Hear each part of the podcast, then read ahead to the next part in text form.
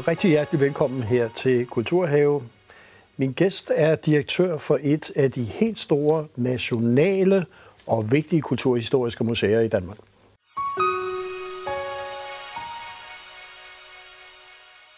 Og velkommen til dig, Mads Kæler Holst, direktør Moskov Museum.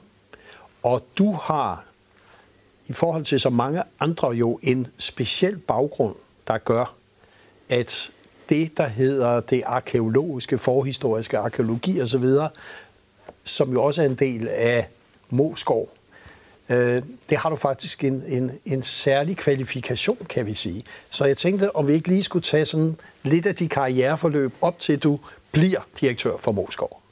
Om, det kan vi da godt gøre. Ja. Altså, jeg har jo en, en, en lang karriere som, øh, som grundlæggende som forsker, øh, og arbejdet med ret mange forskellige sider af, af den forhistoriske arkeologi, øh, og haft øh, nogle store udgravningsprojekter, øh, stået ja. for blandt andet for Jelling øh, udgravninger sammen med Nationalmuseet, og øh, øh, vi havde en stor udgravning af en øh, fredet bronzealdergravhøj, faktisk den eneste, der er udgravet siden fredningerne øh, blev gennemført der i 37, øh, sådan af rent forskningsmæssige årsager. Skældhøj nede ved, på Ribekanten.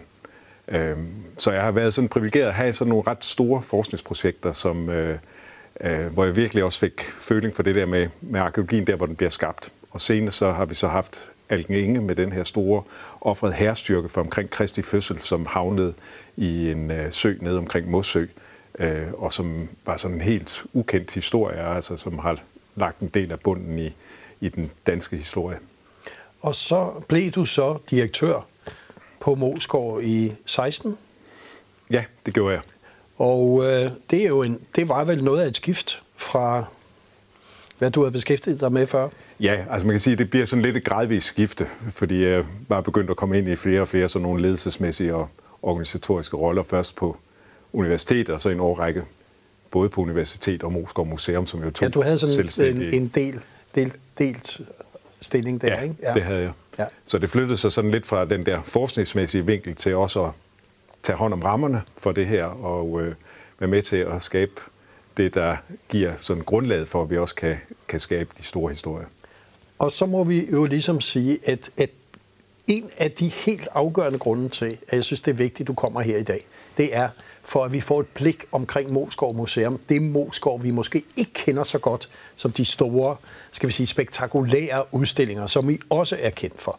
Så hvis vi nu startede lidt med, der er åbnet et nyt museum, men der er jo en forhistorie på Moskov, som går meget længere tilbage. Kunne du ikke lige tage os med sådan frem til, at hvor startede det egentlig henne, det historiske? Altså Moskov har en lang historie. Det er, altså sporer egentlig sin rødder helt tilbage til 1861, så det er, det, det er en god lang historie, der, ja. der ligger. Øhm, der var et stort skifte i 49, øh, hvor øh, universitet og øh, museum blev kædet sammen. Dengang lå det inde i Aarhus øh, by. Og øh, det der samspil mellem universitet og museum, det, det har så været med til at præge Moskov lige siden. Og så blev der også sådan klar, at der skulle være to hovedkomponenter i museet. Der var arkeologien, altså med det helt dybe tidsperspektiv, og så var der etnografien med det store verdensperspektiv. Og det er sådan nogle spor, der blev lagt tidligere, og som har været med til at præge museet igennem lang tid. Og så har der været nogle meget store forskningsprojekter øh, på både universitet og museumsside, øh, og som er det, der har skabt det indhold. Så i virkeligheden, så kan man sige, at for nogen kom det som en meget stor overraskelse næsten, øh, det her nye museum, der kom, og hvad det var for store historier, der egentlig blev fortalt der. Øh, Øh, og det var også en væsentlig nyskabelse. Men det bygger også på noget, som har en meget lang historie, noget, der er skabt igennem årtier. Nogle af de største historier, vi har i museet, det er jo nogle, der er blevet bygget op igennem generationer. I det med de store våbenofferfund som sådan et eksempel. Så, så man kan sige, at der, der, der var indvielse i 14 på det nye Måbsgård, som de fleste af os kender. Øh, så var der jo så også selvfølgelig en åbning med, hvad jeg nævnte før, de store spektakulære udstillinger, og en af dem, som jo virkelig skabte, skal vi sige, den position, I så også har i dag, det var den store terracotta-krigerudstilling udstilling Kina. Jeg synes lige, vi kan se et lille klip fra den, og så kan du lige knytte nogle kommentarer til. Ja, gerne.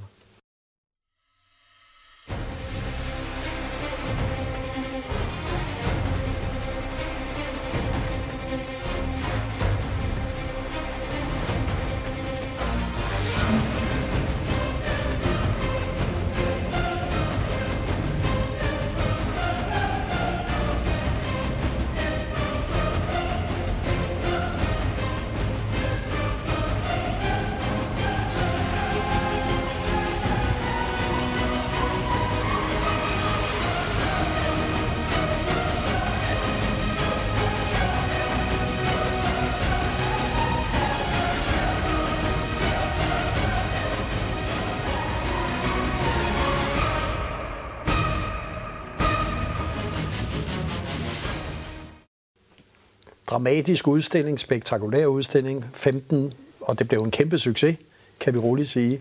Og altså, det at bringe Kina og deres historie hertil, det var vel også noget at sats. Nu ser det jo selvfølgelig helt enkelt ud, men det var jo en fantastisk satsning. Jo, altså det, det var det. Øh, Øh, man kan sige, at det, det var en mulighed på den ene side, som vi fik med den, øh, med den nye udstillingsbygning, der lever op til alle de der sikkerhedskrav, der skal være, og nogle rigtig gode udstillingslokaler, der gør det muligt også at lave den her scenografi, der, der simpelthen bringer udstillingerne op på et øh, andet niveau.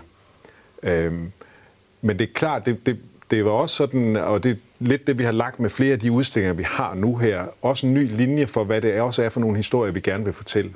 Altså, vi har den danske historie, men vi har også den der ambition, at vi gerne vil fortælle den helt store verdenshistorie øh, med vores øh, særudstillinger blandt andet. Så tanken er lidt, at ved at øh, sådan følge med i vores særudstillinger, så kommer man faktisk rundt om den, om den helt store verdenshistorie. Og, og det, der skete efter Telekortia-krigen, så tog I jo fat på noget, der er kendt, meget kendt for mange danskere, Colosseum, gladiatorer osv., men jo skabte også nogle helt nye formidlingsmæssige greb øh, på den udstilling, mm. som jo også gjorde faktisk, at mange følte, de var medskaber eller sad faktisk dernede. Øh, så den har I jo fortsat, den linje. Ja, ja. altså det, det en, tror nok, man må sige en ret karakteristisk ting for Moskos øh, formidling, at, det, at den er præget af det der med, at det skal være den der oplevelse, altså at man også bliver aktiveret på, øh, på det følelsesmæssige plan, øh, samtidig med, at der er øh, faktisk sammenlignet med, med måske mange udstillinger, øh, ganske meget viden i dem, øh, i forskellige sådan installationer, der giver øh, forskellige lag af, af viden på det. Ja, fordi det er vel det, der hele tiden er nøglen, det er, at I virkelig har et fokus på viden, og det forskningsmæssige, at det bringes ind i en udstilling, så det ikke bare bliver en event. Ja, øh, det, det er det helt klart. Altså, der er et større formål med, at vi laver de her udstillinger. Altså, vi, vi holder sådan set fast i en ret klassisk øh, Øh, dannelsestanke om også, at der, der er noget, man skal have med ud af udstillingerne øh, på det.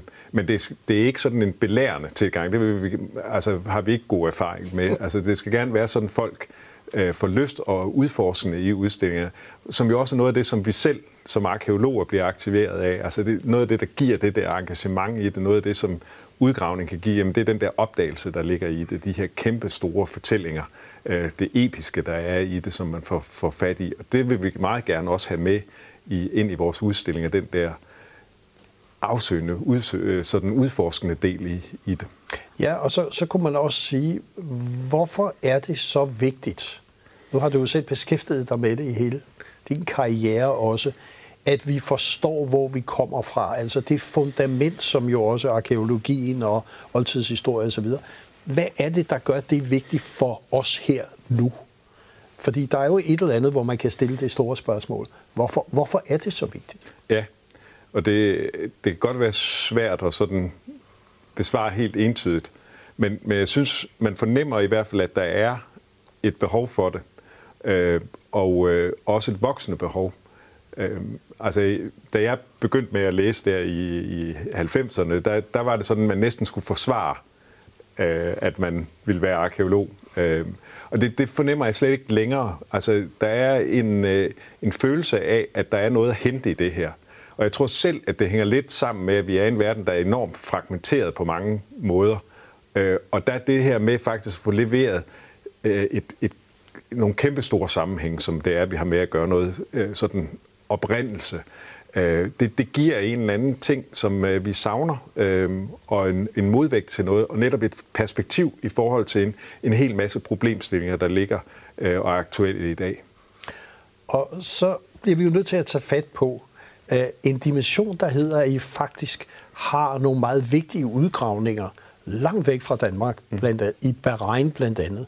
Og jeg synes, vi skal se et lille klip, øh, hvad det egentlig er, I laver der. Mm. I de her dage der er vi meget begejstrede her på øh, Moskov, for øh, Bahrains gravhøje de er øh, netop blevet optaget på UNESCO's liste over verdens kulturarv. Og øh, Bahrains gravhøje det er noget, vi har udforsket i mange år her på Moskov Museum.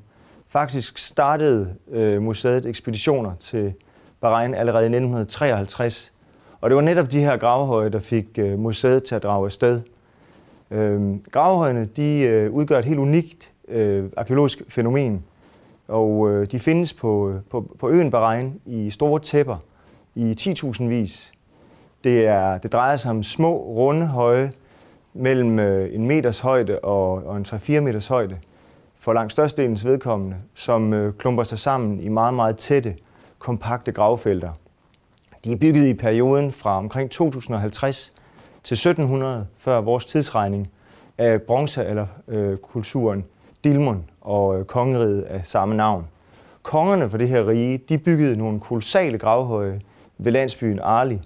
Og de her øh, kongehøje, som er op til 15 meter høje, de er også blevet optaget på UNESCO's liste over verdenskulturarv i samme ombæring.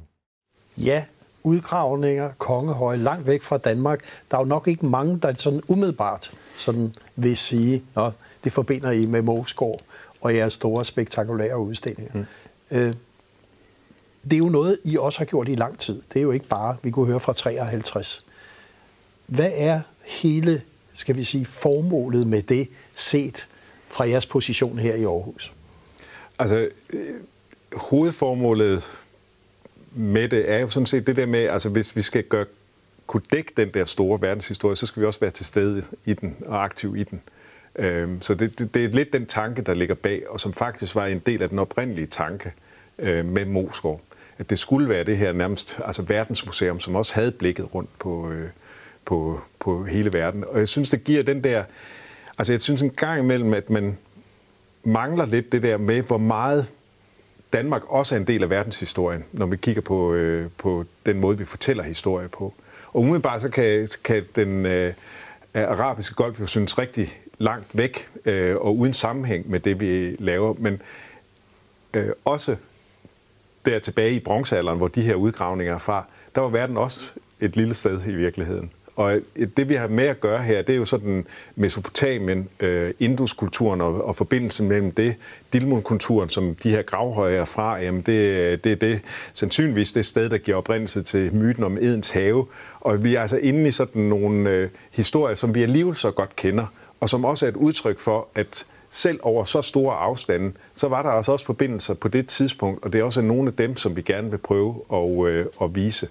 Og det, det, det, sådan set den der forskningsside, som jo danner grundlag for, at vi så også sidenhen kan komme med en opdatering af de her historier, som gør, at også vores udstilling gerne skulle have en aktualitet. Og man kan jo sige, at det vi ser her, er, vel, er det som nogenlunde samme tidspunkt som, vi kan sige, Gravballmanden, som jo er et andet ikonisk fund, I har på Moskov. Ja, vi er lidt længere tilbage på ja, de her. Ja, ja. Øhm, så der er vi tilbage mere på, på sammen med e-kisterne, ikke? Ja, og så ja. øh, lidt før det også. Ja. Ja. Men altså, den forståelse af, at historien, vores historie hører sammen, ja. og den interaktion og dialog, der også har været der, ja. det vil også den, I prøver hele tiden at få etableret. Ja, ja. Det, det er det, og, og prøve at sådan give et indtryk af det her med, at, øh, at der er nogle meget store forbindelser, sammenhænge, som, øh, som også var med til at forme det, som vi kan genkende hos os. Ja. Og så kan man sige, at Moskov er jo så også permanente udstillinger. Ja. Kunne du ikke lige tage os igennem, hvad I egentlig har af vigtige sådan, tematiserede skal vi sige, udstillinger? Altså, vi, vi har jo en arkeologisk udstilling, som sådan set egentlig tager os igennem perioderne, ja. altså stenalder, bronzealder, jernalder, vikingetid og middelalder. Ja. Øhm, i de udstillinger, der er der også nogle temaer, som er væsentlige, som vi tager op. Øhm, så i, i stenalderudstillingen, forholdet mellem menneske, hav, klimadelen, øh, de der indvandringer, som vi kan se meget tydeligt i både det arkeologiske materiale og nu DNA. Øh, vi har hele det religiøse dimension, også når vi kommer ind i bronzealder, hvor vi har blandt andet solkulten, som jo også er et træk, vi finder hele vejen fra Ægypten og til, til Skandinavien. Øh, vi har krigsaspektet, som er noget, som vi jo har, gjort, har haft sådan en meget stærk forskningstradition i på, på Moskov, ikke mindst igennem jernalder, hvordan det var med til at præge samfundet, og som også har ændret rigtig meget på vores forståelse af, hvad det egentlig er for en baggrund, der er for det, vi også sådan ser op senere i vikingetid.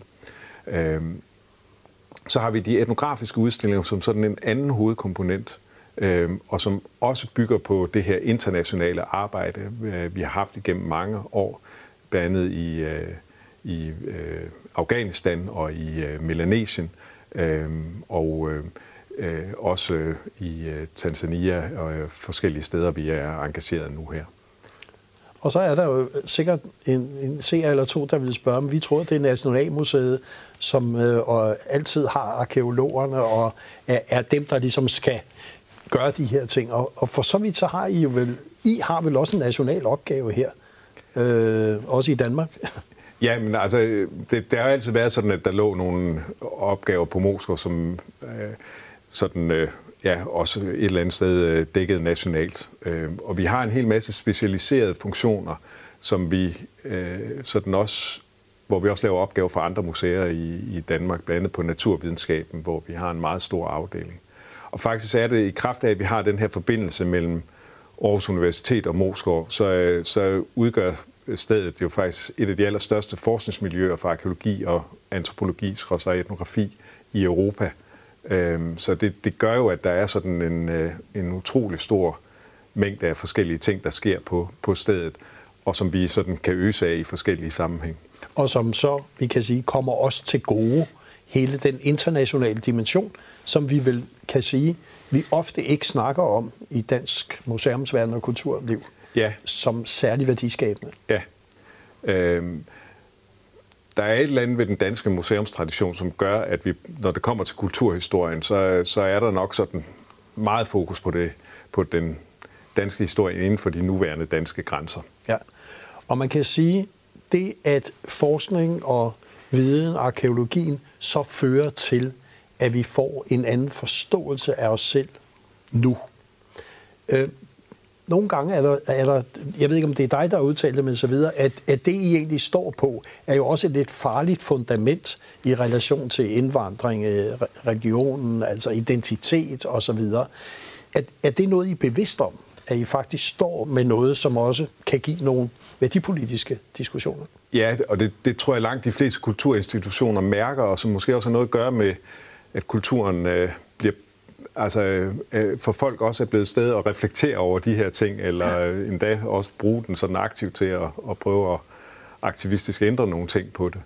Øh, for os øh, på Moskov, der, der har det været sådan rigtig vigtigt, at vi prøvede at lave en platform, der ikke var øh, politiseret, øh, og vi ikke havde sådan en stærkt aktivistisk rolle, fordi vi vil egentlig gerne øh, sådan, at, at mange, altså være en form for demokratisk øh, platform, hvor mange kan finde sig selv i, og også selv kan danne sig sine holdninger, men vi vil gerne levere noget, der er basis, altså kvalificeret basis for at lave de her øh, sådan egne holdninger. Og øh, det, øh, altså, det betyder jo, at vi skal hele tiden prøve at tage fat i nogle aktuelle temaer, øh, og som netop så kommer til at røre ind ved noget. Men vi prøver også at være meget bevidste om, at vi skal ikke lave konklusionerne på det her. Vi skal prøve at finde noget frem, der er relevant for folk, blandt andet om indvandring. Altså det, det er et faktum, at der har været nogle indvandringsbølger, men hvad det er for konklusioner, man tager ud fra det, det, øh, det er op til folk selv. Og det, det er vi sådan meget bevidste om at prøve at, at tage fat i de der aktuelle temaer, men også at prøve at give plads til, øh, til folk. Og så kan man sige, at en af de ting, og en af de udstillinger, jeg tror mange havde glædet sig rigtig meget til, det var jo så Neandertal-udstillingen. Og så kom der noget corona, og så blev det sådan noget amputeret, det gjorde det jo for alle øh, herhjemme. Jeg synes lige, vi skal se et lille klip fra den. Ja. Du er ikke det menneske, du tror, du er. Nej, du er meget mere. For selvom du og alle andre stammer fra de samme fælles forfædre og mødre, så er rejsen fra dine fjerne slægtninge – til det menneske, du er i dag, lang og uforudsigelig. Man kan jo sige, at det er jo forholdsvis aktuelt. Der har været rigtig, rigtig mange ting om, hvor stammer vi egentlig fra, og vi har nogle procent af neandertal genetisk materiale med, og måske også en begyndende helt anden forståelse af, hvad, det, hvad vores forfædre det egentlig var. Er det også, altså et af det et spektakulært emne, men er det også en måde, at vi skal lære, hvor vi kommer fra? Ja, det, øh, det synes jeg, det er. Øh, altså på den ene side er det enormt langt væk. Noget, det, det er det, der er længst væk i tid, som vi, øh, vi har haft. Øh, på den anden side, så rører det jo ind ved nogle, øh, nogle helt grundlæggende forståelser af mennesket, som er meget aktuelle. Altså, så, så når ny forskning, og det er sådan et eksempel på, at vi også præsenterer ny forskning, når ny forskning viser, at neandertalerne var langt mere kompleks, end vi havde troet, så rykker det jo også ved den der grundforskning om, at vi ligesom har den der enorme overlegenhed, og det er det, der gør, at vi er de sidste mennesker, der er tilbage af alle de mange mennesker, der førhen levede også parallelt med hinanden. Mange slags mennesker. Så på den måde, så synes jeg, at vi er inde og have fat i sådan nogle helt grundlæggende forestillinger om, hvad vi egentlig er, hvor specielle vi er, øh, som man så rykker ved på det her, og som giver anledning også til sådan nogle nye spørgsmål. Hvorfor var det så, at det var os og ikke dem, som kom til at dominere resten af historien? Øh, og så kan man sige, coronaen, hvis vi lige skal bare et kort øjeblik, har jo også betydet noget med økonomi. Og Moskovs økonomi er jo i høj grad baseret på, at man kan tjene penge. Hvordan kommer I ud af det her, kan man sige, og, og er I stadigvæk intakte i relation til det økonomiske fundament? Ja, det, det vil jeg sige, at vi er. Øh, vi øh, var usikre i starten, fordi der, der var alt uklart. Øh, men de hjælpepakker, der er kommet på plads hen ad vejen, altså de har spændt et godt sikkerhedsnet ud under det, og vi har også selv kunne øh, begrænse skaderne, øh, fordi det er væk også ligesom er kommet i to omgang, så vi var lidt parat her til anden omgang på en anden måde. Så jeg regner med, at vi, øh, vi på den måde kan køre igennem. Og hvis man skal tage noget positivt med fra coronaen, så kan man jo sige, at jeg synes, at det er blevet meget tydeligt, at fortællingen om, hvad museerne kan, øh, og den værdi, de har, den er, den er helt tydeligt blevet anderledes. Øh, altså det, det er blevet tydeligt, at der er en værdsætning af det, øh, og som jeg også tror afspejler, at øh, kulturen simpelthen spiller en anden rolle for folk nu, end hvad det gjorde før. Altså det er noget socialt at gå på museum på en helt anden måde, end det var tidligere. Øh, og øh, det, det er noget, som folk faktisk føler giver en værdi ind i deres øh, også egen forståelse af sig selv. Øh, og det der ryg, det er jo noget af det, vi har prøvet, prøvet på museerne, at, øh, og faktisk arbejdet med i mange år, og derfor så er det sådan, synes jeg, lidt en succesoplevelse, at, øh, at se, at det nu også er det, den, den reaktion, vi faktisk får nu, hvor de så er savnet i og med, at de ikke er åbne. Og hvis vi nu skulle skrue tiden sådan et par år frem, øh, og du ligesom skulle have lov til at vælge på alle varehylderne på, øh, hvad, hvad vil du så ønske, at Moskov, det danske museumsvæsen, kulturlivet, hvilken placering kunne du ønske, det havde om to-tre år? Ja, altså i virkeligheden, så tror jeg, at det, der sker i øjeblikket med, med meget kultursektoren, det er, at den, den er ved at, at brede sig ud øh, fra at være sådan lukket, jamen, så, så, så udvikler den sig på en måde, hvor vi får mange flere forskellige typer af kulturinstitutioner, også af museer, øh, og der også spiller forskellige roller, og dermed så bliver den mere og mere øh, nærværende og vedkommende. Og det, det, den udvikling, synes jeg, den håber jeg rigtig meget på, den fortsætter. Og vi vil glæde os til at følge såvel dig som Mosgaards udvikling, udgravninger og gøre os klogere på, hvor vi kommer fra. Så tak fordi du kom her. Velbekomme.